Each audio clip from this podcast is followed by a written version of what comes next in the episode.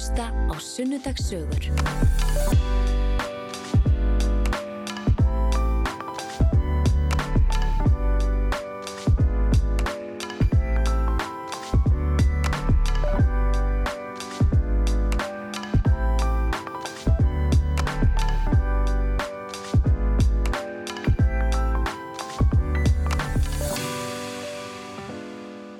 Komið sælir á heyrendur góðir. Þetta eru auðvitað sunnudagssögur sem er að fara hér í gang og að venju fáu til okkar góðan gest í spjallum lífið og tilvöruna. Ég heiti Hulda Geistóttir og hef umsjón með þættinum þennan mánuðin og þemað okkar í nóvambur eru áskoranir og gestuminn í dag hefur upplifað sinn skerf af áskorunum í lífinu og þetta segja það. Hún heitir Alma Ír Ingólstóttir, nýkjörin formaður Örkjabandalags Íslands og við ætlum að ræða já, lífið og tilhöruna frá ýmsum liðum. Velkomin. Takk fyrir. Alma, hvaðan kemur þú? Ég er ólsari. Ég er fætt og uppalinn í Ólasvík. Já, já. Bjóð þar til 98 eftir að, hérna, þá, eftir að hafa vext alvarlega. Þannig að þá fluttu við fjölskyldan til Reykjavíkur. En Ólasvík er samt alltaf heima. Já, það, það er einhvern veginn þessi staður þar sem að maður gengur í grunnskólan og þar sem að maður er sín fyrstu ár. Það er alltaf heimabærin. Já, mjög sterkar og góða rætur myndi ég að segja. Já, og hvernig var að alast upp og vera krakki á Ólásvík? Það var dásamlegt. Það var hérna mikil forréttindi að hafa þessa hérna miklu náttúru sem að þarna er og þetta bara frjálsræði í rauninni og samhælni myndi ég segja líka. Já. Það var gott að geta hlaupið á milli húsa og þekkja nánast alla og hafa öm og afa þarna í bakarðunum og fræntfólk sitt líka. Þannig að fyrir mér þetta, voru þetta hérna, mjög góðir tímar og bara eins og ég segi aftur, Já. mikil forréttindi að fá að geta bara hlaupið út þegar maður vildi. Já, svona áhyggjulegs æska. Já og líka bara í þessa stórbróttu náttúru, þú veist, það er Já. fjaran, það er sjórin, það er fjöllin, það er lækirnir, þetta er allt þarna sem er svona svolítið drauma heimi badna myndi ég halda. Já, þetta er dásanlega, hljómar dásanlega. Eh, kemur úr stóri fjölskyldu eða? Við erum þrjú sískin, ég er elst, Já. svo ég bróður sem er fættur 1981, þannig að hann er þreymur ára yngri og svo kom litla sýstir 1990. Já, og hvernig var að vera elst? Ég þekki það nú líka. Það bara, ég held að það hafi henda mér mjög vel. Ég er svona, ég fætt með mjög mikla ábyrratilfinningu þannig að þetta átti vel við mig. Já, Þannig að ég, ég, ég held að ég hafi skilað því ágætlega. já. En varstu, varstu látið passa sískinni þín og svona þegar þú var stórnaði stálpu? Já, ég, ég myndi bara segja að ég er stóran þátti í uppeldi sýstu minnar. Svo ég gerist bara það stórtæk. Já. Jú, ég byrja mjög hérna unga passa og hérna bæði sagt, bara börn í bæjarfélaginu og, og hérna frænda minn og frængu og svo þegar aldrei sýstir fæðist að þá var ég svona auka mamma. Já. Ég, fyrir ekki dofan því en að ég hafi báttið verið auka mamma. það er nú ekki slæmt. En, en talandum að passa börn, þetta var auðvitað svolítið öðruvísi eh, fyrir einhverjum áratugum síðan að, að ég held að ég hef einmitt verið nýjára þegar ég byrjaði að passa fyrst. Eh, Þetta þekkist nú allir dag, svona ung, unga barnapýður. Nei, ekki svona eins og maður var kannski að gera. Ég held að ég hef verið svona svipið um aldrei líka og það er ótrúlega tröst sem maður er og kannski ábyrg líka sem er lögð á mann en í kannski einhverjum hópi, þú veist, ef maður er með á svæðinu finnst mér það kannski svona öðruvísi en að bara mæta klukkan átta og vera fram að háti og, og, og sinna þessari skildu finnst mér kannski svona Já. svolítið þung ábyrð á í dag en allt er lægi kannski að, að hérna hafa þau með en ekki Já. kannski skilja alveg eftir, ég veit ekki. En, en hvað með svona aðra vinnu, bara svona eins og, og, fyrir úlinga og ungt fólk, fórstu í eitthvað slíkt? Er, það var fyrst bæjarvinnan og, og það var þetta, þetta típiska bara sem held ég sé í gangi en þá bara reyta arfa, tína rusl og, og hérna mosa með frá gangsettum og. Og sópast ég þetta þar? Sópast ég þetta og yfir í það að vera falið meira ábyrra hlutverka að hérna slá gras sem var mjög skemmtilegt. Það var hérna mikið fjör að slá allar þessar brekkur sem eru þarna í Ólásvík Já. og svo fór það yfir í, í fiskinn, yfir í stúsið og það var svona svolítið, þótti mjög töff mínum aldrei að vera mættu klukkan 6 á mótnana í að að snirta og pakka. Já, manstu hvað var skömmulur og byrjaði í fyrstu? Sko þetta var í nýjundabæk, það var sérst ekki eftir, já það var ára eftir ég fermtist, þá fórum við í hérna, fengum við að fara í fiskinn. og Það, þú er bara 15. ári, já, í og bara ekkert fristúsi. annan eðlilegt og ég held að það hafi bara einmitt bara móta mann og gert mann af hérna bara, bara duglegum starfsmanni. Já. Ég myndi held að, að segja það að þetta væri, þetta er að ég gífalug að fara, fara vaknaður fyrir sex, smyrja sér nesti og mæta bara í ískalt fristúsi, slórið og, og, og vatnið. Já. Og varstu, varstu þá að skera úr eða? Já, að, að- já, og pakka, það var svolítið, það var ennþá mér að töffa að fá að pakka. Já, einmitt. það var líka svona aðeins snirtilegur og ekki eins blöytt, sko. Já. Og svo þaðan fór ég í sjoppuna. Það voru tvær sjoppur í Ólasvík. Það var bara sjoppan Mm og hérna, og svo var það grillið og ég fór í sjoppuna. Já. Og það var, hérna, var þar í tvö ár. Það var, og í svona fríum líka. Þetta er svolítið svona klassíst já. sko. Þannig að ég, hérna, já, bara mjög ungbyrja að vinna og, og kynnast því, þeirri ábyrg sem að fælst í því að bara að sinna því tiltöknur skildum og hlutverkum Já, sem að vinnan, vinnan felur í sér og, og ég er mjög þakklátt fyrir það. já. Það Og góðu grunnur og byggt undir Algjörlega, framtíðina. já, að því að þú berð ábyrð, ég meina, ég þurfti að opna sjoppuna. Mm. Ef ég mætti ekki, þá var hann ekki opnið. Nei, þá var engin kaffetími í sjópunni fyrir fólki í plásinu. Nei, og bestu. Það, ef ég man rétt að þá hérna var svona, fó- var eitthvað svona, ef sumarið þá hérna var kjörin besta pilsan á landinu og það var sko sölskála og gá sem var sjoppan. Það í- það kefti ímsu. já, kefti ímsu, já. Já, en þegar kemur að, að uh, framhaldsskóla árunum að, að, þá er náttúrulega, þú gast ekki sótt framhaldsskóla í þínum heimabæ uh, hvert Sko, fórstu það, það- hvernig var þetta? Það voru tvö ár, er Fyrstu tvö árin kannski þá, já, það var í stikkisólmi já, og það bara var ekki það sem ég hefði áhuga á. Og svo var það fjölbröð af Akranesi og ég hefði heldur ekki áhuga á því. Ég vildi fara í það sem var bekkikerfi, já, þannig að ég endaði á laugavatni. já, heimavistinni þar því að það var ekki sagt, svona heimangengt til Reykjavíkur að vera sagt, auka úlingur inn á heimili Mhm. og ég var ekki að fara að leia einn Nei, ekki á 16 þessum ára. aldri.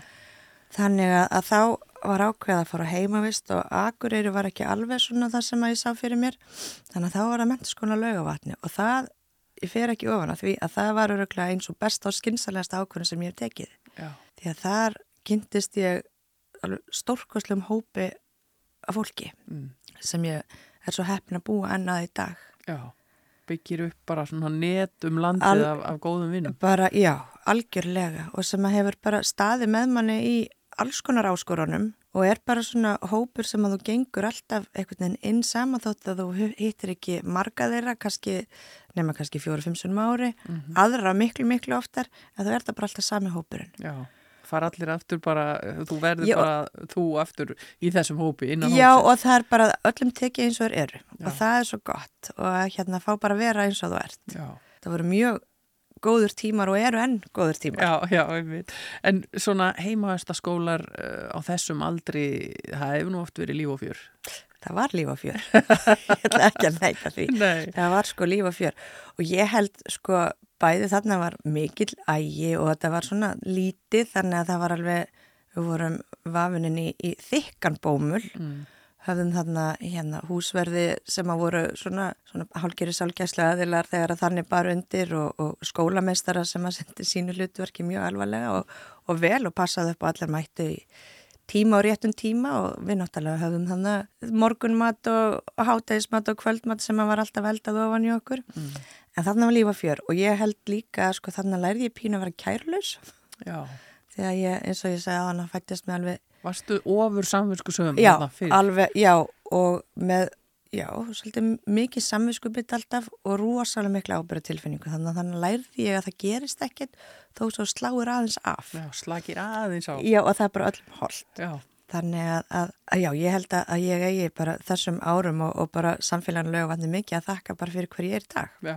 Þetta er skemmtilega öfusnúðu svona miða við þessa hefbundu lýsingur sko, þú ferði í skóla og, og, og það, það lærur að bera ábyrð og, og, og sína Já, aga. ég gerir það svo sem líka, en þarna líka bara þú þarft ekki, sko, það þarf ekki alltaf vera alveg klift á skori, sko, það má aðeins fara út fyrir Já, og það var mér mjög holdt. já. Varstu eitthvað, nú lögavatn mikið tengt íþróttum, varstu stundaður íþróttir í skólanum?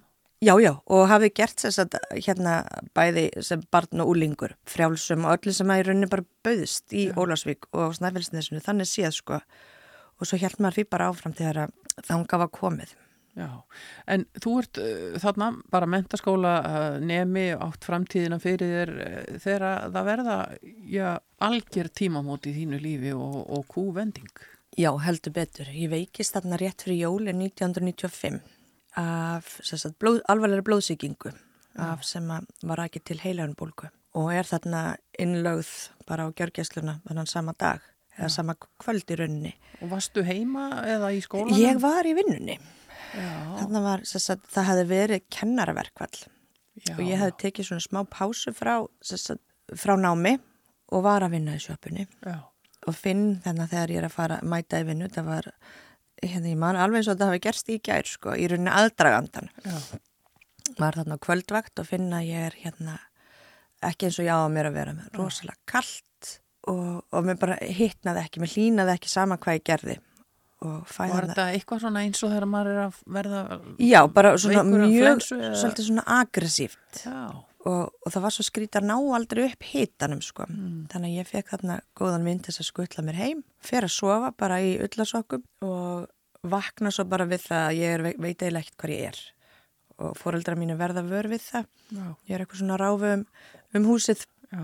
En þú varst bara uh, annars bara upp í rúmi farin að sofa og Já, og Já. hver þarna pappa býður hann bara góða nótt já, og þannig að hann er í rauninni meðvitaður um að ég fer lasin að sofa en svo verða þau náttúrulega vör við þarna eitthvað óráðum nóttina já. og verður- þú eitthvað eftir því? eða? Já, svona ljóst en samt ekki, eða, jú, eða þú veist, óljóst en samt ljóst, Já, sko. Ég man að þau eru mikið að stumra yfir mér, ég var búin að kasta upp yfir mig alla þannig að þau voru eitthvað að að skóla af mér Já, og lappandi á já, sem að verður svona til þess að þau sjá að þetta er kannski ekki alveg þessi hefðbundaflensa og taka ákvörnum að, að pappi verður heima.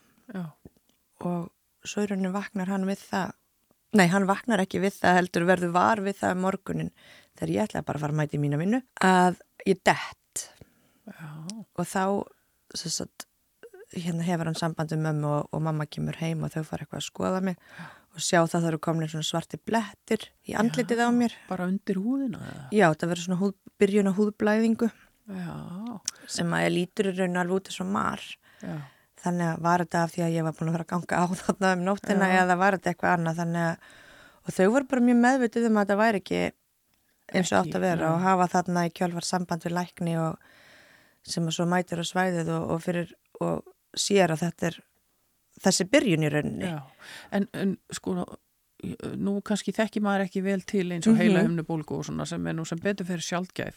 En það sem að ég hef heyrtir er, jú, uppköst, kannski ljósfælni, Mhm. stífleiki hnakka og eitthvað svona, var eitthvað þessu ábyrrandi eða? Sko, já, en þarna þá er einmitt að því að við höfum kannski mest verið og bara gegnum söguna verið að einmitt alltaf að horfa þessi einkenni sem Já. er stífur nakki, ljósfælni og þessi miklu höfverkur. Ég vissulega fekk sko ljósfælni já, en ég fekk aldrei stífan nakka en þá er þetta þess að það er í rauninni vírus og svo síking. já, Ég fæ blóðsíkinguna en ekki vírusin. já, Þar munar á þessum einkennum sko og þá er, þess að þá er þessu húðblæing já, sem er svona kannski helsta einkennið já, fyrir þessa, þessa síkingu því að þá er náttúrulega bara, er hérna blóði byrja að storkna og, og að reyna bara að brjótast út og, og byrtist þá í þessum húðblæðingum. já.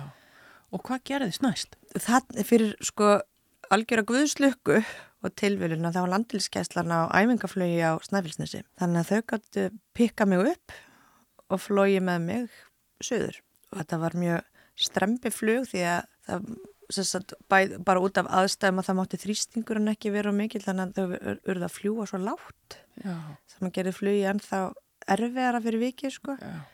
en komum mér allan áfangast að Já, þannig að þau þurft að fljúa látt til þess að þrýstingurinn á þig væri lítill. Já, í rauninni, já, ef ef ég skil þetta rétt Já, sko, já. Og eitthvað annað sem ég kann ekki í rauninni að útskýra. Já, en þarna bara munar líka að, að hafa hérna gott fólk sem að þekkir bara vel til og því fólki á ég náttúrulega fyrst og öllu að, að þakka já, og svo því sem að tekur í rauninni við já. Og kannski, þetta er kannski gott dæmi og áminning um mikilvægi þess að hafa aðgang að heilbriðstjónustu á landsbyðinni og að hafa aðgang að uh, sjúkrafluginu. og- og betur heldur betur og bara þessar, þessar viðbræðs sko í rauninni, hvernig, já, bara hver viðbröðun eru við svona hérna alvarlegum hérna aðstæðum já.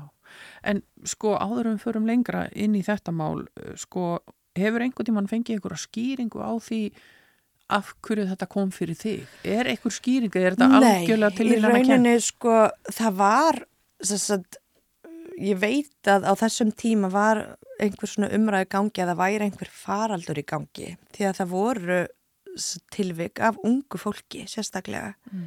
sem að veiktist alvarlega af heilanbólgu, bæði síkingu og vírus og, og en nei, í rauninni getur þetta verið eins og sest, bara fólki mitt, fjölskyldan, foreldrar og sískin, þau þurftu öll að fara á hérna stóran síklarlefja kúri raunni til þess að bara komið veg fyrir að, að það kæmi síking en sko það, og líka það þau hafðu öll, það geta verið sko með þetta en bara verið með mót, eitthvað skona mótefni Já.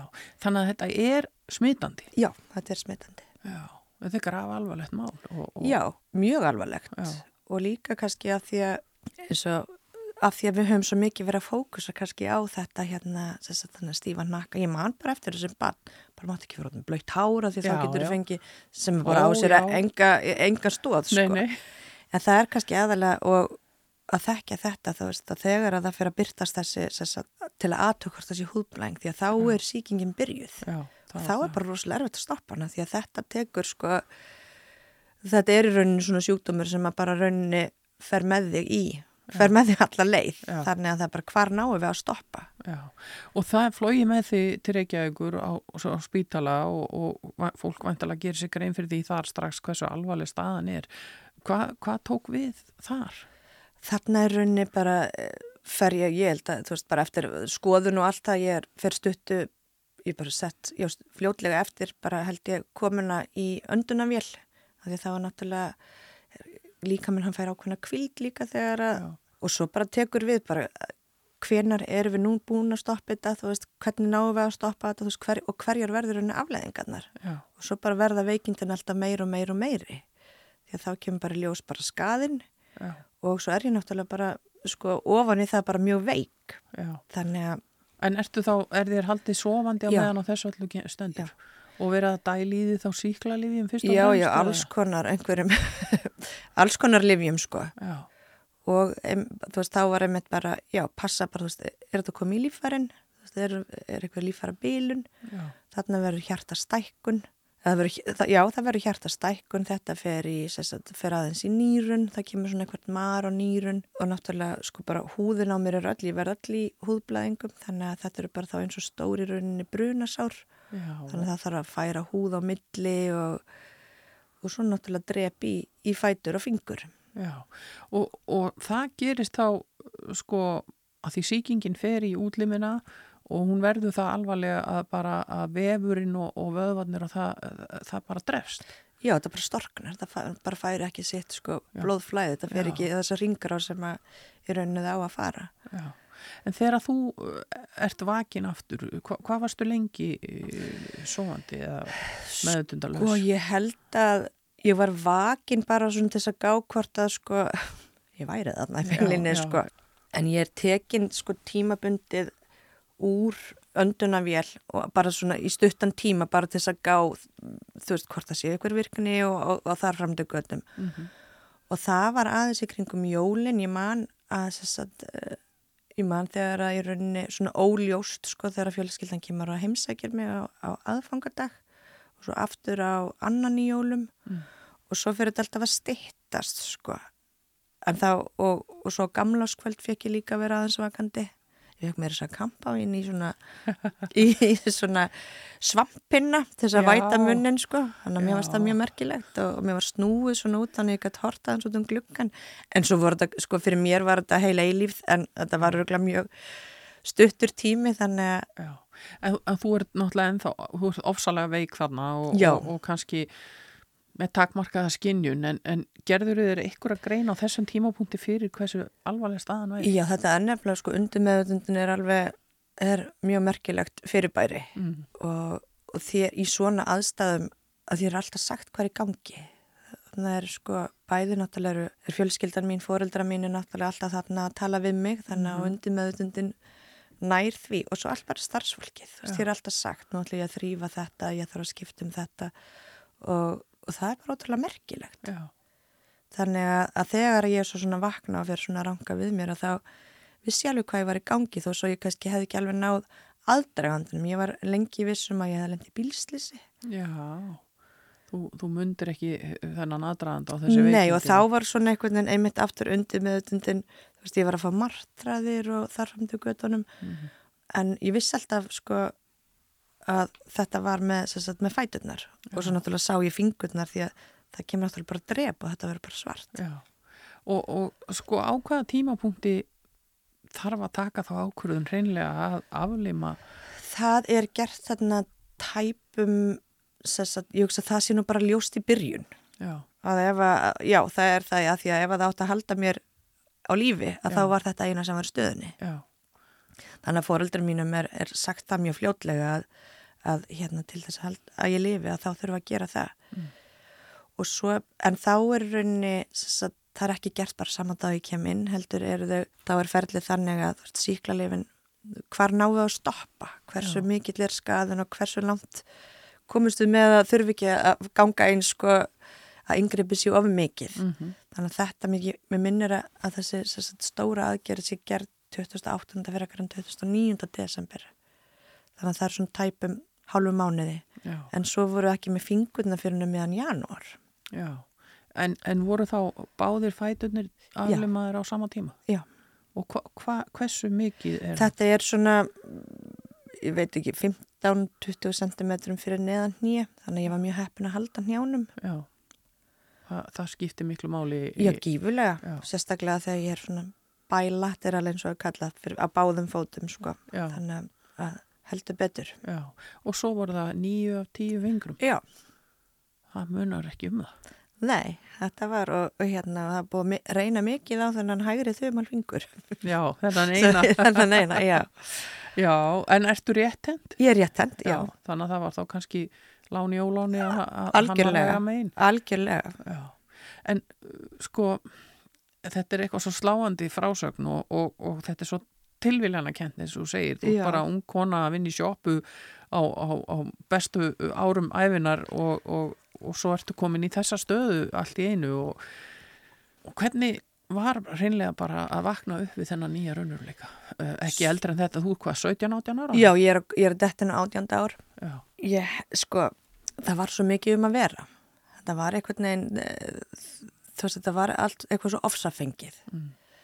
Að bæði náttúrulega er ég á miklum verkjalifjum og, og svo bara, ég einhvern veginn, með, ég veit alveg hvað er í gangi, en það var einhvern veginn meira, sko, sem betur fyrir var einhvern veginn, kannski kom þessi mikla ábyrða tilfinning og þetta, að, já, ég veit ekki, bara einhvern veginn hugur sem mér færður í vöggugjöf, sko, að einhvern veginn mér lág svo á að komast bara út, mér lág svo á að komast heim, já, að auðvita að meðtaka þetta var náttúrulega, ég myndi aldrei fara ofan á því bara algjör rillingur, Mm. en samt einhvern veginn meira bara ok, hér ég er allavega hérna ennþá og það hlýtur að vera hægt að, að hérna lifa með þessu Mhm. og mér var einhvern veginn svo mikið í munum að bara að fá að vera bara aftur ég og einhvern veginn bara með mínu fólki já, en ég tók það verulega ég tók það mjög inn á mig að já, inn á mig einmitt kemur aftur þetta stanslösa sammiskubit sem að ég var alltaf með hvað var búið að valda fólkinu mínu þú veist, Já. ég átti litla systur ég átti Já. bróður sem að var einn í Ólasvík í sínum skóla hjá skildfólki og, og einhvern veginn að að rústa þessu já, þannig að þú varst að hafa áhyggjur já, já, ég, af þínu fólki Já, mér fannst þetta, þetta lág mjög þungt á mér af því að við vorum, við vorum alltaf mjög samheldin sko Mm. og, og ég erum enn í dag en einhvern veginn að vera búið að tvístra þessu ja. mér fannst þetta mjög erfitt en þarna var ég, já, ég var mjög upptekinn af þessu og líka bara einhvern veginn að fara út af þessum spítala, komast aftur í Já.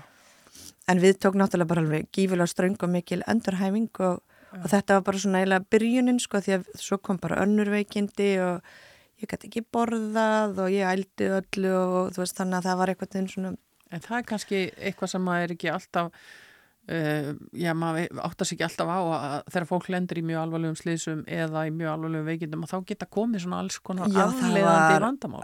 alls konar Já, en sem betur fyrir var gróandin góður þú veist það greri allt vel þannig að ég var ekki að fá einhverja svona síundu tekna síkingar Mm. en það var ekkit bara þessi eina aðgerð þetta voru endalausar aðgerðir já. Og svo þurftur eins og nefndir aðan, þú þurftur að láta flytja húð og... Já, og það var í rauninni sásökafylsta Já, að það er algjör viðbjóður. Bara svo ég segi það að það var, það er fælst í því alveg rosalur sásöki en hitt einhvern veginn fann maður ekki eins fyrir að því að einhvern veginn verkjalefin einhvern veginn bara þér, það bara búið um því þannig að þú átt ekki að finna til. En þetta var svona Já, en þú hefur vantarlega ekkert fengið bara að fara út af spítalanum og heim, fóst á grens á sig eða hver var leiðin? Nei, ég fór sko, þarna er ég líka bara, ég er svolítið að millið þess að fara úr því að vera bann eða úlingur yfir, ég bara vera fullorðin Já. og ég, sem sagt, fyrir ekki á grensa, seldur á Reykjalund og það var búið þannig um að ég fekk að fara, sem sagt, á, við leiðum húsi í Grafavogi, þannig að ég fekk, sem sagt, axturstjónustu á mótnana og var, sem sagt, keirið bara Reykjavík og svo var ég sótt setni partin. Ég strækaði á það, ég ætlaði ekki að vera... Það er á nóttunni líka. Nei, nei það er bara, ég sá það bara fyrir mig, nú þurfti ég bara að fá tíma að vera heima hjá mér með fólkinu mínu og þannig myndi það, að það veri hluti af endurhæfingunni. Ég var alveg komið nógu því að vera ein, ein einhver staðar, sko. Ekki það að hérna fóreldra mín að skiptust lengi vel á að gift, gista hjá mér, sko, á spítalanum. Já. En þarna var veginn, og ég held að hlutin af minni endurhæfingu, er ekkert að segja að það hendi öllum, var að fá bara að vera heima í bara sínu rými innan um sitt og, og hérna vennulegan mat og borða bara með fólkinu sínu. Já, bara aftur í, í, í vennulegt fjölskyldur. Já, í rauninni. Já, þannig er, erum við komin bara á alveg nýjan stað í lífinu, þú ert, ert átján ára, þú ert nýbúin að gangi gegnum þessi, þessi miklu veikindi og, og skjálfölu afleiðingar þeirra. Hvað, hvað gerðist næst? Hvernig vannstuðu upp úr þessu? Ég held svona ef ég líti yfir þessi ár að þá er ég rosalega upptekinn að því að komast bara aftur inn í það sem ég var að gera og kannski svolítið mikið að ég áttaði mikið á bara hvað var búið að gerast. Mm. Að því að mér lág svolítið mikið á að fá að vera bara unga konan sem ég var og taka þátt í öllu og... Vildur þú fara aftur í skólan til dæmis? Já, ég var að vísu sko, ég tók hérna... Varst búin að vera í pásu? Ég var búin að vera í pásu og tók þarna nokkra kursa í fjölbyrði ármúla til þess að svona halda mig við og ég held að það hef bara verið mjög góð ákverðun Já. og fór svo sagt, árið setna aftur á laugavatn og, hérna, og það var mjög challenging Já. því að þannig ertu bara komin á laugavatn og þú ert bara fara núr þessum sko svakala bómul sem var búið um að við þarna þessi ár, eða þennan tíma mm -hmm. yfir í það að koma bara á lítinn stað þar sem það var ekkert aðgengi þannig var bara stigar og þannig var þetta og ég held að það hef bara já, en ég held að það hef líka bara hjálpað mér, þú veist, þannig styrtist ég bara en auðvitað var þetta challenging já. en ég var einhvern veginn bara svo óbáslega upptökin að því sem er ekkit endilega það besta að þetta hefði engin áhrif en þetta hefði þetta áhrif Já. En hvernig tóku já, ekki bara fjölskyldumöðlum þínir heldur til dæmis vinir þínir og, og fólki í kringuðu þessu það getur verið erfitt fyrir unga manneskjur að horfast í augu við svona raunveruleika gáttu allir höndla þetta í kringuðu? Sko ég veit það að þetta hérna, hafði bara mikil áhrif á þau og auðvitað voru þau rætt mm. en þegar ég kem þarna aftur þá voru þau mjög bara upptekinn af því með mér að bara að ég væri bara einn af hópnum, sama mm. hóp og ég var uppalega. Þannig að þau voru einhvern veginn bara bóðun og búin í einu og öllu og, og eru það ennþá í dag. Já. Þannig að, að hérna, þetta er alveg, já þetta er einstakur hópur mjög góður hópur og ég er bara ótrúlega heppin að hafa að, að því eins og segir það hefði verið svo auðvelt að bara í óta Já. eða vannþekkingu að bara einhvern veginn, ah, ég veit ekki alveg hvernig ég veit ekki hvað ég á að segja við hana, ég nei. veit ekki hvernig ég á að hafa mér Nei, nei, þau voru aldrei ekki þar nei. En fegstu, kom svo umræða strax upp að þú fengir gerfi eh, fætur? Já, og það var bara mjög fljótlega í ferlinu þess að þegar þessi stóra aðgerð upphálega er gerð, að þá voru bara þarna mættir sjúkaraþjálfara til þess að hjálpa mér að, veist, æfa mig að beigja hnén og, og, og allt það sem í því fælst mm -hmm. og svo stuttu setna komið þarna tveir starfsmenn sagt, össurar, Össur Kristinsson sjálfur og minn eini sannig Guðmundur sem hefur verið með mér í hérna öll þessi ár og er enn í dag Já. og þá svona ekki kannski alveg þarna, þarna mæta þér til dæmis á gjörgjastluna og eru svona, svo bara fylgjast þeir með mér og svo er þetta svona, ég veit ekki kannski kringum páskana að þá fer svona líða að því bara já nú þurfum við að prófa sérst, að máta og prófa að smíða fætur og sjá bara hvernig er tekst að standa upp því að ég náttúrulega var komin sko undir 40 kíló wow. engin vöðvi virkur þannig að, þetta er alveg, voru mikil átök sko en ég man ennþá tilfinningun að fá að standa upp aftur og þá vissi ég alveg að já, þetta verður bara allt í lagi. Já, það er, það er líf eftir þetta. Já, já og ég menna og sko, og, en eftir að hekja hefði ég kannski mátt staldraðins betur við og svona hugsa þú veist, þetta er að fara að vera erfitt í staðin fyrir að vera of upptekin að því að passa með að þetta yrði ekki erfitt Mm.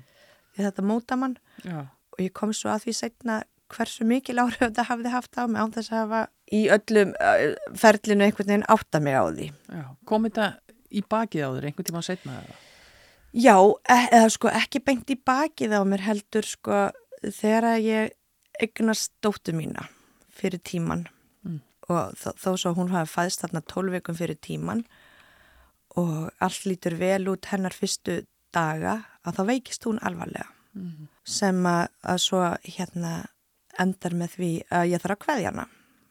Að þá sko úrvinnslan sem þá fer að stað að þá fer aftur að stað þessu sko þetta gífulega samviskupið af hverju stóð ég mikið betur? Af hverju hérna var ég ömuleg á með, eða þessast bara alls konar svona ótrúlega ránkomundir sem að einhvern veginn koma fram að ég hafi brúðist henni.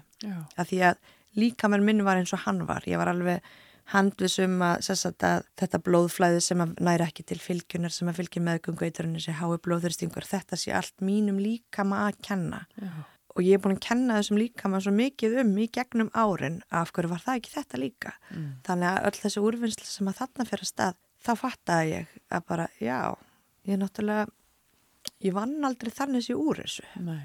Og svo færðu bara annað áfall einhvern veginn ofan í hitt og, og þá kannski uh, stækkar þessi kakull og, og, og Já, strengur og- á einhverjum tíambúndi. Já, og af hverju var þess að hver í rauninni var ástæðan fyrir það að ég var alltaf að kenna mér um samvinskubytti sem ég hafði að því að ég var náttúrulega með samvinskubytti yfir að fjölskyldan mín hefði þurft að flytja, að sískin mín hefði átt erfitt með að, að vinna úr þessum veikindum mínum, mm fóreldra mínir, aðstæður okkar Já, og þannig bara þess að var þessi snjóbolti af ennstari snjóbolta. já. Uh, þú klárar skólan á lögavatni. Já, eða sem sagt, já, ég, já og, með, og MS eiginlega líka, þetta var svona algjör hrærigrautur hérna tímbili, sko. Já, og, og ákveður að, að uh, fóstu þá, helst áfram að menta þið strax þá eða hvaða leið fóstu? Já, ég fór sem sagt, eftir útskrift fór ég til Fraklands í, í frönskunám og að læra líka að bara hafa gaman í Fraklandi og kem svo heim, eða ég er í rauninni fyrir, fyrir tve, tve, tveir vetur sem ég fer til Fraklands og sækja svo um í stjórnmálafræði við HÍ og er þar í svona eitt og hálft ár, fannst þetta ekki sérstaklega skemmtilegt, prófa alls konar og ekkert, þangur til ég ákvað að taka mér bara pásu og fer að vinna. Já, fór að vinna hjá í tjónadeild sjóvá þar sem ég var umgrind lögfræðingum. já, Þannig að þá ákvað ég bara að, sagt, í hruninu já, að fara og læra lögfræði. já, já. Og, og þessi, þessi áhugiðinn, hann kviknaði þarna bara í þessu starfi. Já, já, það má ég að segja þá. Ég ætla alltaf að snúa tilbaka, fara bara í, hérna, í skadabótaréttin Já, sem ég gerði svo ekki. ég fór svona í alltaðra átt. já.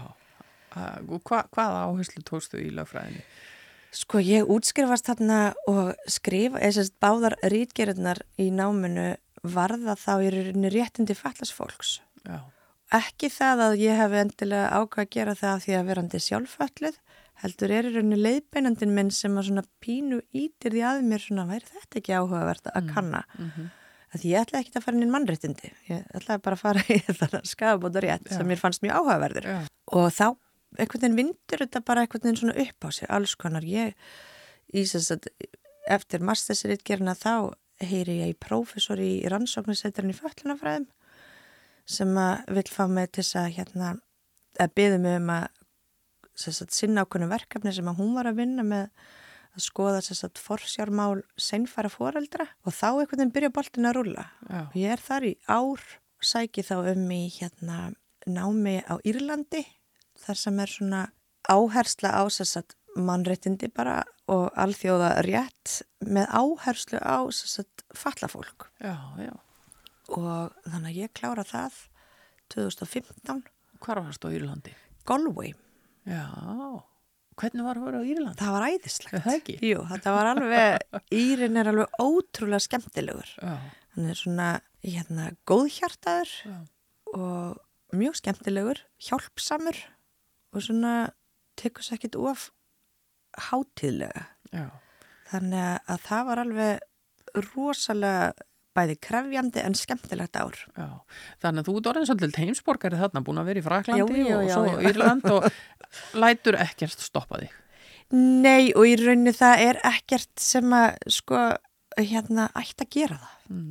og ég held að heilt yfir sko það er í rauninni ekki ef maður lítur yfir bara þú veist fatla fólk þá er það í rauninni ekki hugafæri sem að stoppar heldur er það í rauninni allar hindræðinni sem að mæta þér á leiðinni sem að samfélagið er búið að skapa Já, og í, í mín tilfelli þá er ég kannski mjög heppin að, að það hefur ekki ennþá áhrif á, ég menna það mun mögulega gera það þegar ég eldist en eins og staðinu núna þá er það ekki neitt já.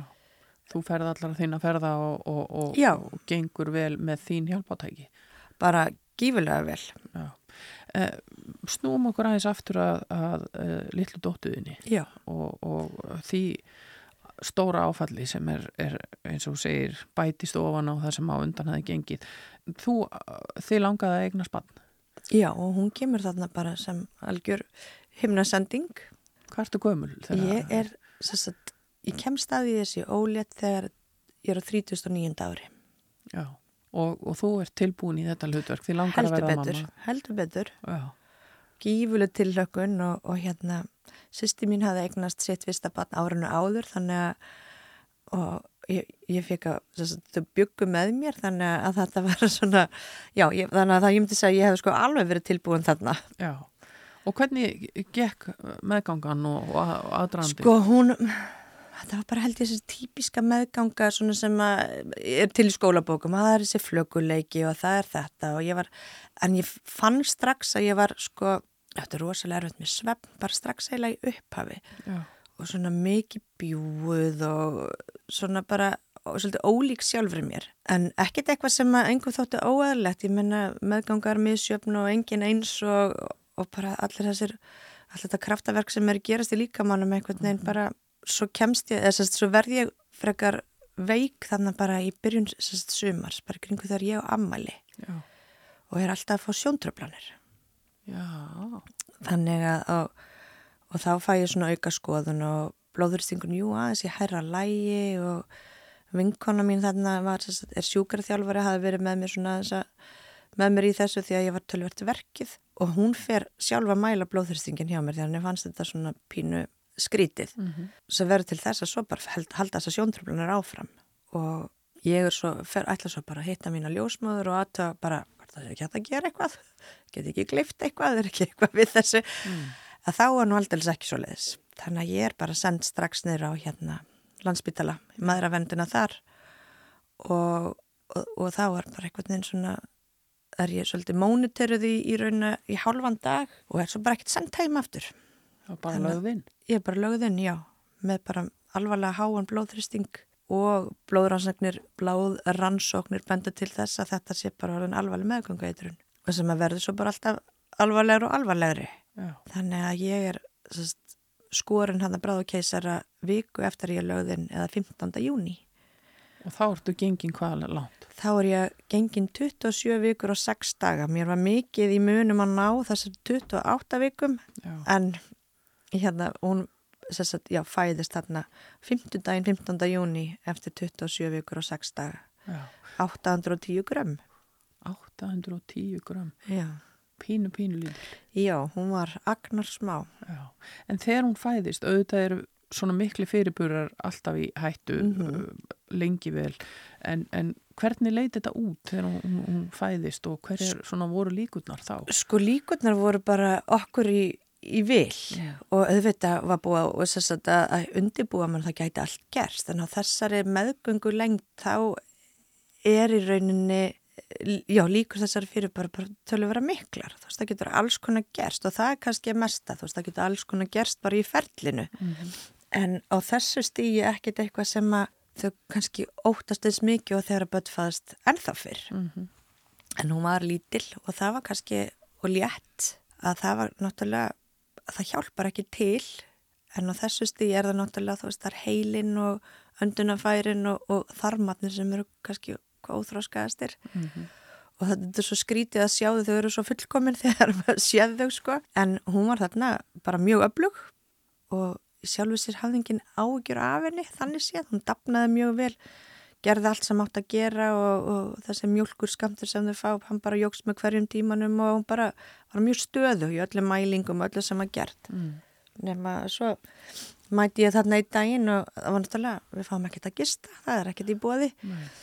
þannig að þegar ég mæti þarna Það lítur á þér erfitt Það var hræðilegt Já.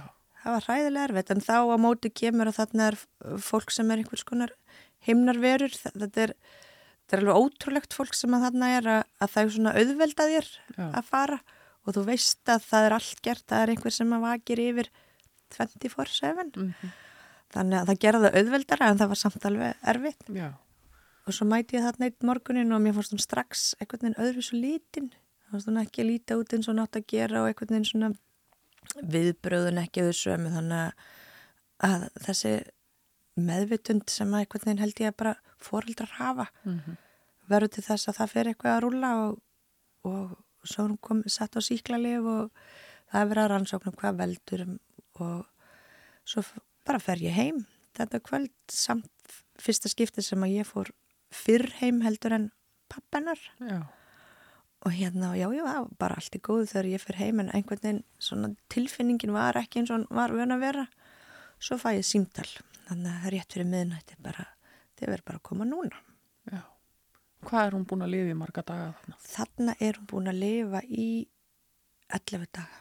Og, og hvað fylgdi símtalinu? Hva, hvað það var, bara við erum að setja hann í öndunavél og, og það er bara mjög mikilvægt að þessi á svæðinu því að það, það lítur ekki vel út. Þannig að þegar ég kem eða við komum að þá er bara er allt á kolvi, svo maður segja og ég minna það er alls konar stillingar og svona öndunavélum og öndunastöðningurinn kemst ekki hæra en 100% og hún mm. var þarna í 100% þannig að, og var bara mjög veik Já. þannig að okkur er sagt þannig næstu daga, eða bara strax daginn eftir að, og líka þessu svolítið við svona oljuborskipi sem að er bara þú, þú snýr því ekkit svo réttir að við sko mm -hmm. þannig að við vorum svolítið stöld þarna og bara tímin leiður ljós hvað er í gangi, þú veist hvað veldur þessum veikindum sem að svo koma í ljósa er svona fyrirbúra sjúkdómur Já. sem að þessi læknar kannski, nýbur og fyrirbúra læknar ótast kannski mest að því að í flestum tilvikum er hægt að snúa við Já. en í alvarlegust tilvikunum er það ekki mm. og hún er þetta prósent sem að það var ekki hægt að snúa við. Já. Hún undirgengst tvær stórar aðgerðir því að þetta leggst á smáþarmana og alltaf lærum maður eitthvað nýtt að, að þú getur lifað án helmings þeirra Já. en það er ekki hægt að taka meira en það Já. og það er uppálega gert og þá er bara beðið eftir allt grói vel og þetta lítur rosalega vel út á tímbili þar sem hún er bara braggast og þess að kemur an, annar bakslag og, og þá kemur næsta aðger og þá er bara kemur ljósa þessi smá þar maður þeir eru bara ónýttir og þá er bara líknandi meðferð Já. þannig að, að þá koma svo nokkru dagar í þann undirbúning að við vitum að við erum að fara að kveðjana mm. þannig að okkar nánast á kærasta fólk allavega getur komið og kvart Já. og svo fáum við bara að kveðja hana hjá okkur þess að mm. bara í fanginu okkar Já.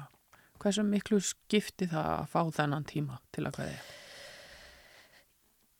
Sko ég, ég get náttúrulega ekki svara fyrir allavega fyrir mig, mm. þá var það bara vitandi það að þú veist þú veist á allavega hvað þetta er á sunnudegi sem að þessar fréttir berast og þá er bara viðmið sett bara miðvíkudagar er kannski bara svona en auðvitað, ég menna þið langaði aldrei sem miðvíkudagar kæmi. Nei, stoppa tíma. Já, en á sama tíma ertu bara þú veist það er náttúrulega allt gert þess að barni kvæljist ekki og hún átti ekki að finna til og ég er alveg fullvið um að hún gerði það ekki. Mm -hmm. en einhvern veginn vita það samt sko, er bara eitthvað svo þetta er bara svo surrealist. Já og auðvitað finnst þér bara einhvern veginn alltaf í að stoppa. Hvernig getur bara annað bann verið að fæðast? Mm -hmm. hvernig getur bara annað nýfætt bann komið bara einhvern veginn þannig í, í hennar eða þá meina ekki hennar stað sko, Nei, heldur bara stað inn, inn á vökudilt bara plásið sem hún plásið hennar, já. já. Þannig að, en þannig er náttúrulega bara er eitthvað einstakt teimi af fólki sem að vinnur bara hver sem það er. Mm -hmm. og það er svo gott fyrir mig skiptir rosalega miklu máli að fá að vera hluti af þessu teimi því að þú sinnir því hlutverki þannig til það sagt það strax bara þegar þú kemur ná vökundild, þú ert hluta teiminu Já, við bara ætlum svolítið mikið af þér. Já, og þar tók ábyrratilfinningin mín vel til sín. Já, og ég hérna, ég þurfti svona að vera kannski, ég var kannski svolítið of mikið á tímbili inn í öllu. Ég verð bara að fá að vita allt. Ég vil bara fá að vita hvað er svartasta. Mm. ekki bara segja mér það sem að velgengur heldur líka bara hvað þýðir þetta? Já, þannig að ég er bara þannig, ég verð bara að fá að vita það. Já, að því ég einhvern veginn vildi ekki að það kæmir neitt að óverum heldur væri ég bara nákvæmlega meðvitið um bara, já, ég veit hvað þessi tala þýðir. Já. hún þýðir ekki gott, nei. Já, og þarna, hvaðið þið litlu stúlkunum, hvað hétt hún? ástildur Já, og það er náttúrulega, sko, ábyggilega er veðast að lífsreynsla hverja mannesku að þurfa að gangi í gegnum að hvaðið batnið sitt. Já, ég, ég held að það sé bara hára rétt. Því að það er alltaf erfitt að kveðja. En þegar einhvern veginn barn fær ekki að kynnast sko, heiminum og heiminum ekki að kynnast því að þá er það verða svo miklu, miklu sorgleira. Já. En eh, þá er ég ekki að draga úr neinu öðru. Nei, nei, nei, nei. Alls, alls ekki. En þetta er einhvern veginn, já, að því að mann finnst bara að börnin eigi einhvern veginn að lifa foreldra sína. Jú, jú. En auðvitað er alltaf sorglegt, já.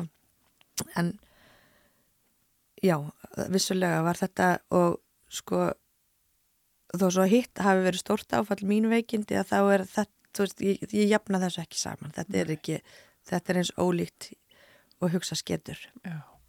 En þú vildir samt eignast annað bat. Þú varst ekki hrætt við að fara niður þennan veg aftur. Nei, ég var bara einhvern veginn sko, sess að fannst bara eitthvað svo galið að fara að einhvern veginn að vera búin að, ég var mamma og var búin að vera þannig að sinna barninu mínu í þess, þannig 41 dag sem hún lifði að fara einhvern veginn að, að eiga það bara innra með mér. Það, bara var, það var bara eitthvað, eitthvað jafna sem að gekk ekki upp. Já. þannig að ég fór og líka bara ég var að ljúa ef ég segði annað þetta bara heldtók mig þessu hugsun. Bæði að hafa mist batnið og fá ekki að sinna þessu hlutverki og líka bara ég ætla að eignast annar batn þannig að ég svona sökti mér í alla þá sálgæslu sem að hugsast gatt og fekk alveg rosalega góðan stuðning og sálgæti með mér í lið Vigfús Bjarnar sem að greip mér þarna á augur stundu og hann hefði verið í sumafríi þetta, þannan tíma og mætir þarna stutt eftir sumafrí þegar að þetta í rauninni er, er staðan. Mm og hann var bara svo stórkostlegur að leifa mér að fylgja sér í svolítið tíma. Það var ekki bara einhver stuttur tíma heldur ég, hann, hann var með mér svo í liði svo lengi. Já.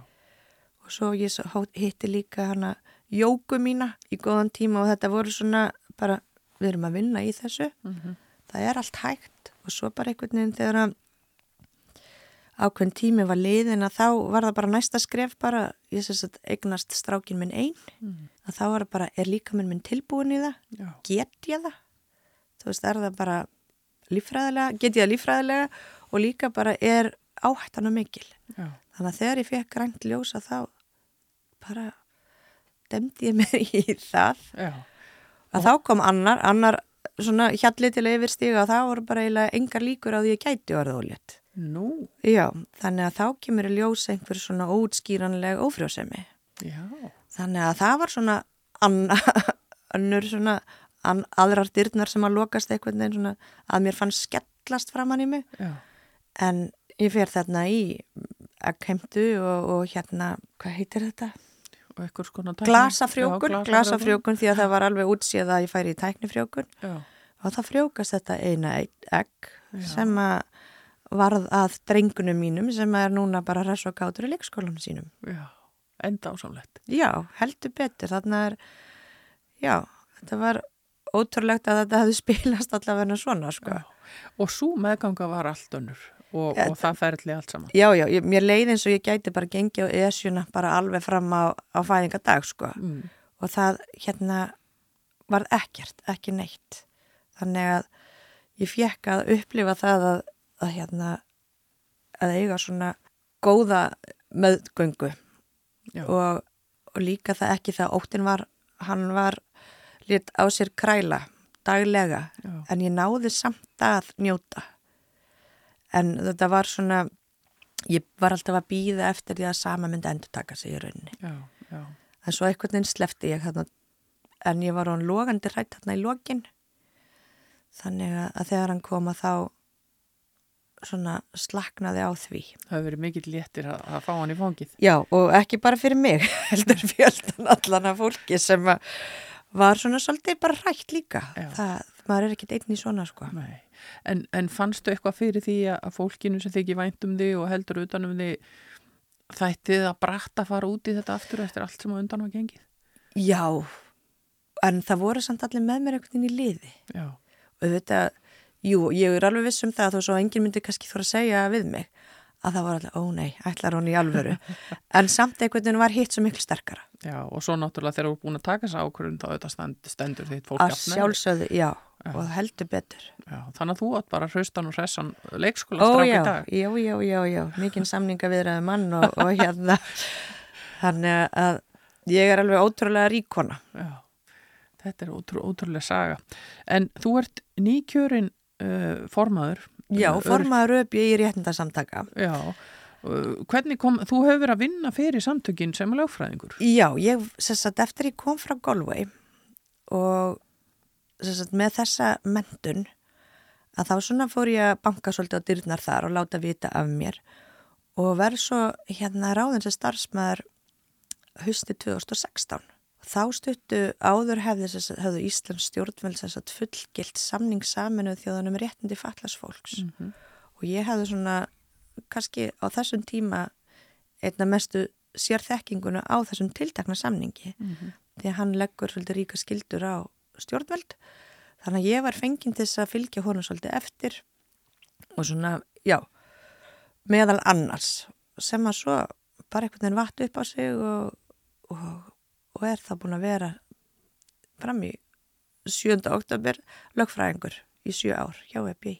Já, en þú ákveður að bjóða þig fram til formans uh, þegar þurfur harpa uh, ætlar að hætta Já, og, og uh, þið voru tvær við vorum tvær, já. og þú, og hafðir þetta með einu atkvæði. Já, þetta var, þetta var heldur betur naumt. Svo, ég held að verði ekki, það verður ekki naumar allavega.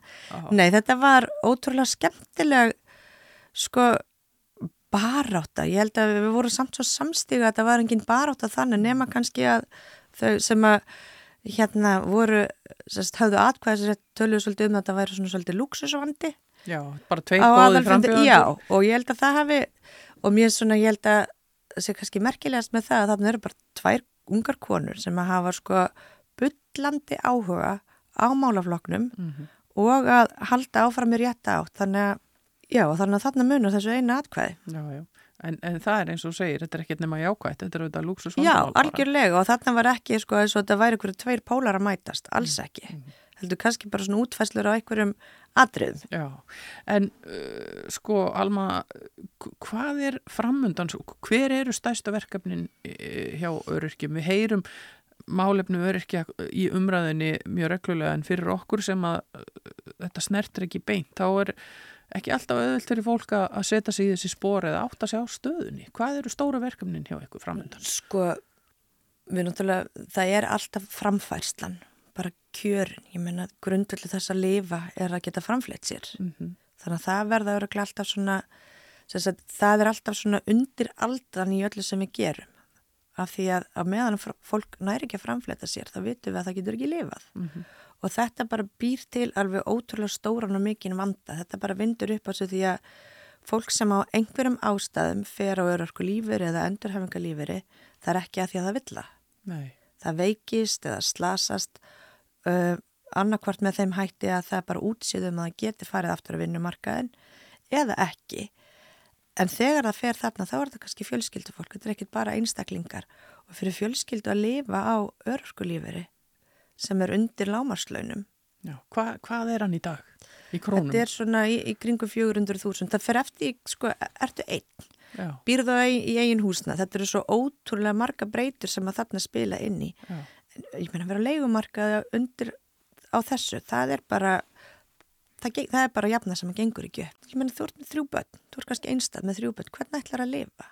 Þá fyrir þetta að vinda upp á sig þannig að þú veist, þú ert komin í fátrækjargildru börnin þín lifa ekki til japs við önnur börn af því að þau geta ekki tekið þátt í tómstundum íþróttum hverju sem er, félagstarfi Þú ert alltaf að neyta um þannig að þetta býr til bara gildru fátakara gildru Já, hvað með uh, þessa umræðu, sko ég er auðvitað engin sérfræðingur í þessu, þetta er ég bara eitthvað hluti svona sem maður heyrir eh, að, að ef að fólk getur unnið eitthvað, að þá skerði það lífið. Já, það gerir það. Já. Það eru, þess að þú ferð yfir ákveðin fram, framfæslu uppbótið að viðmið, sko, mm. að þá, hérna, þá byrjar það að skerða. Já. Þannig að þá er oft verið þetta hópur sem að er að jafna sig eftir veikindi eða slís og vil gera minn, það, það vil, vilja allir taka þátt í samfélaginu mm -hmm. ég fer ekki ofan að því og það geta allir með einhverju móti en þegar þeir eru raunni refsað má segja það fyrir að gera eitthvað með því að það skerði annað hver er það tilgangur henni? Já. Já, þetta er letjandi í sjálfu sér. Já, þetta er allavega ekki hvetjandi og þar fyrir utan að þá er fólk kannski líka að fara í einhver störf sem að það var kannski ekki búið að menta sig þetta eru erfið störf þetta er, veist, það er ekki eins og sé hlaupið að því að finna einhver hlutastörf sem að eru kannski bara það sem þau langar að gera Já. heldur bara meira, þetta er bara ekkert annað í bóði ef þau eru í bóði því að Já. það er bara það er ekkert um hlutastörf og ég meina sveitafjölög og ríki eru ekki að sína fordami í því mm. En þurfum við að breyta uh, viðhorfi til öryrkja uh, uh, bara almennt í samfélagi? Já, og það sko það, það er viðvarandi verkefni en það í mínum huga ætti það ekki að vera það því þetta er eitthvað sem að mér finnst svo auðvelt að breyta en ég veit að það er ekki svo leiðis mm. En já, en það er ekki bara sko hagsmunasamtaka að standa því heldur er þetta, það þarf að gera kröfur á að stjórnvöld séu að vinnað einhvers konar viðhorsbreytingum stopnanir fyrirtæki því að sko á einhverju tímpunkti þá er einhver, er við öll fölluð því að mm. það, þú fótbrotnar þá eru einhverjar sko, umhverjuslegar hindranir í, í gangi. Þannig að, að í mínum huga er þetta svo, er einfalt að, að þessi viðhorsbreyting eigi sér stað en hún verður vantarlega við, viðvarandi Já. en ef við fáum ekki, þú veist, vinnumarkaðin stjórnvöld, alla í lið með okkur og það gerst ekki neitt, þetta getur ekki bara verið á okkar forræði Já. það bara virkar ekki svo liðis Nei Þetta er, þetta er stórt verkefni uh, og, og eins og þú segir, halgert eiliða verkefni. Uh, tímin líður svo hrætt og það búið svo ótrúlega áhugavert að tala við þið. Uh, svona rétt áður en ég kveði, þú ert á góðum stað í lífin í dag. Já, heldur betur. Ég er bara, ég er hraust, ég á mitt, ég á þannan dreng sem að gerir allt betra og lítið ljós sem að fylgja mig hvert sem ég fer og var að taka við nýju starfi þannig að ég get ekki verið í betri stöðu. Já, en ég las eitthvað tíman eh, skemmtilegt viðtal við þar sem þú varst að tala um ástina og, og tilhugalífið og það voru alls konar útvæðslur í því. Já, já, já, já, já. Þú ert ekki búin að gefast upp á ástinni þrátt fyrir eh, í, í miskona framkomu? Nei, alls, alls ekki, en ekki það hún á mér, þess að það er ekki svona, það er eiginlega ekki svigurum fyrir neitt svo leiðist núna. Nei, og líka, sko, það kannski líka það að nú, nú veit ég hvað nákvæmlega hvað en bara, eh, sko, ég, bara jú, jú, jú, jú, auðvitað langar mig að eiga tilhuga líf og, og hérna á mér alls konar drauma, þannig að það bara kemur eða kemur. Já, þú ert opinn opin fyrir áskorunum lífsins eh, Takk kjærlega fyrir að setjast hérna hjá mér og, og spjalla við okkur í sunnundasögum Alma Ír Ingólfsdóttir. Ég hafa líka búin að sjá eitthvað starf að þú, þú hefur verið að hlaupa í Reykjavíkumarathon. Er eitthvað sem þú getur ekki? Ég veit það ekki. Nei, þú veist, ég held þetta sé bara, ef þú fær tækifæri, sko, og ég er bara heppin að, að bæði að hafa kannski bara kraft til þess að vera að, ég sögum myndi að segja, frekjast áfram, að það hafa það bara ekkit allir. Mm. Og það komum við aftur alltaf að þessu hérna samfélagslegum hindrunum. En ég bara er með gott fólk í liði eins og bara hjá össuru sem að gera mig kleift að gera svona hluti. Þannig að við bara höldum, já, já, ég er alltaf að, hérna, hefur að segja að það er nú allir að fara lengra, sko. Þannig að nú þarf ég að aldrei að standa mig í því þess að geta tekið allar hans að tíu kílometra sem ég lofaði. Já, takk jálega enn og aftur fyrir spjallið og, og við óskuðum þér allsins besta í öllum þínum verkefnum á, á lífsins leið, bæði í vinnu og enga lífi og um, takk jálega fyrir að koma, Alma Ír Ingólfsdóttir, formaður upp í. Takk jálega.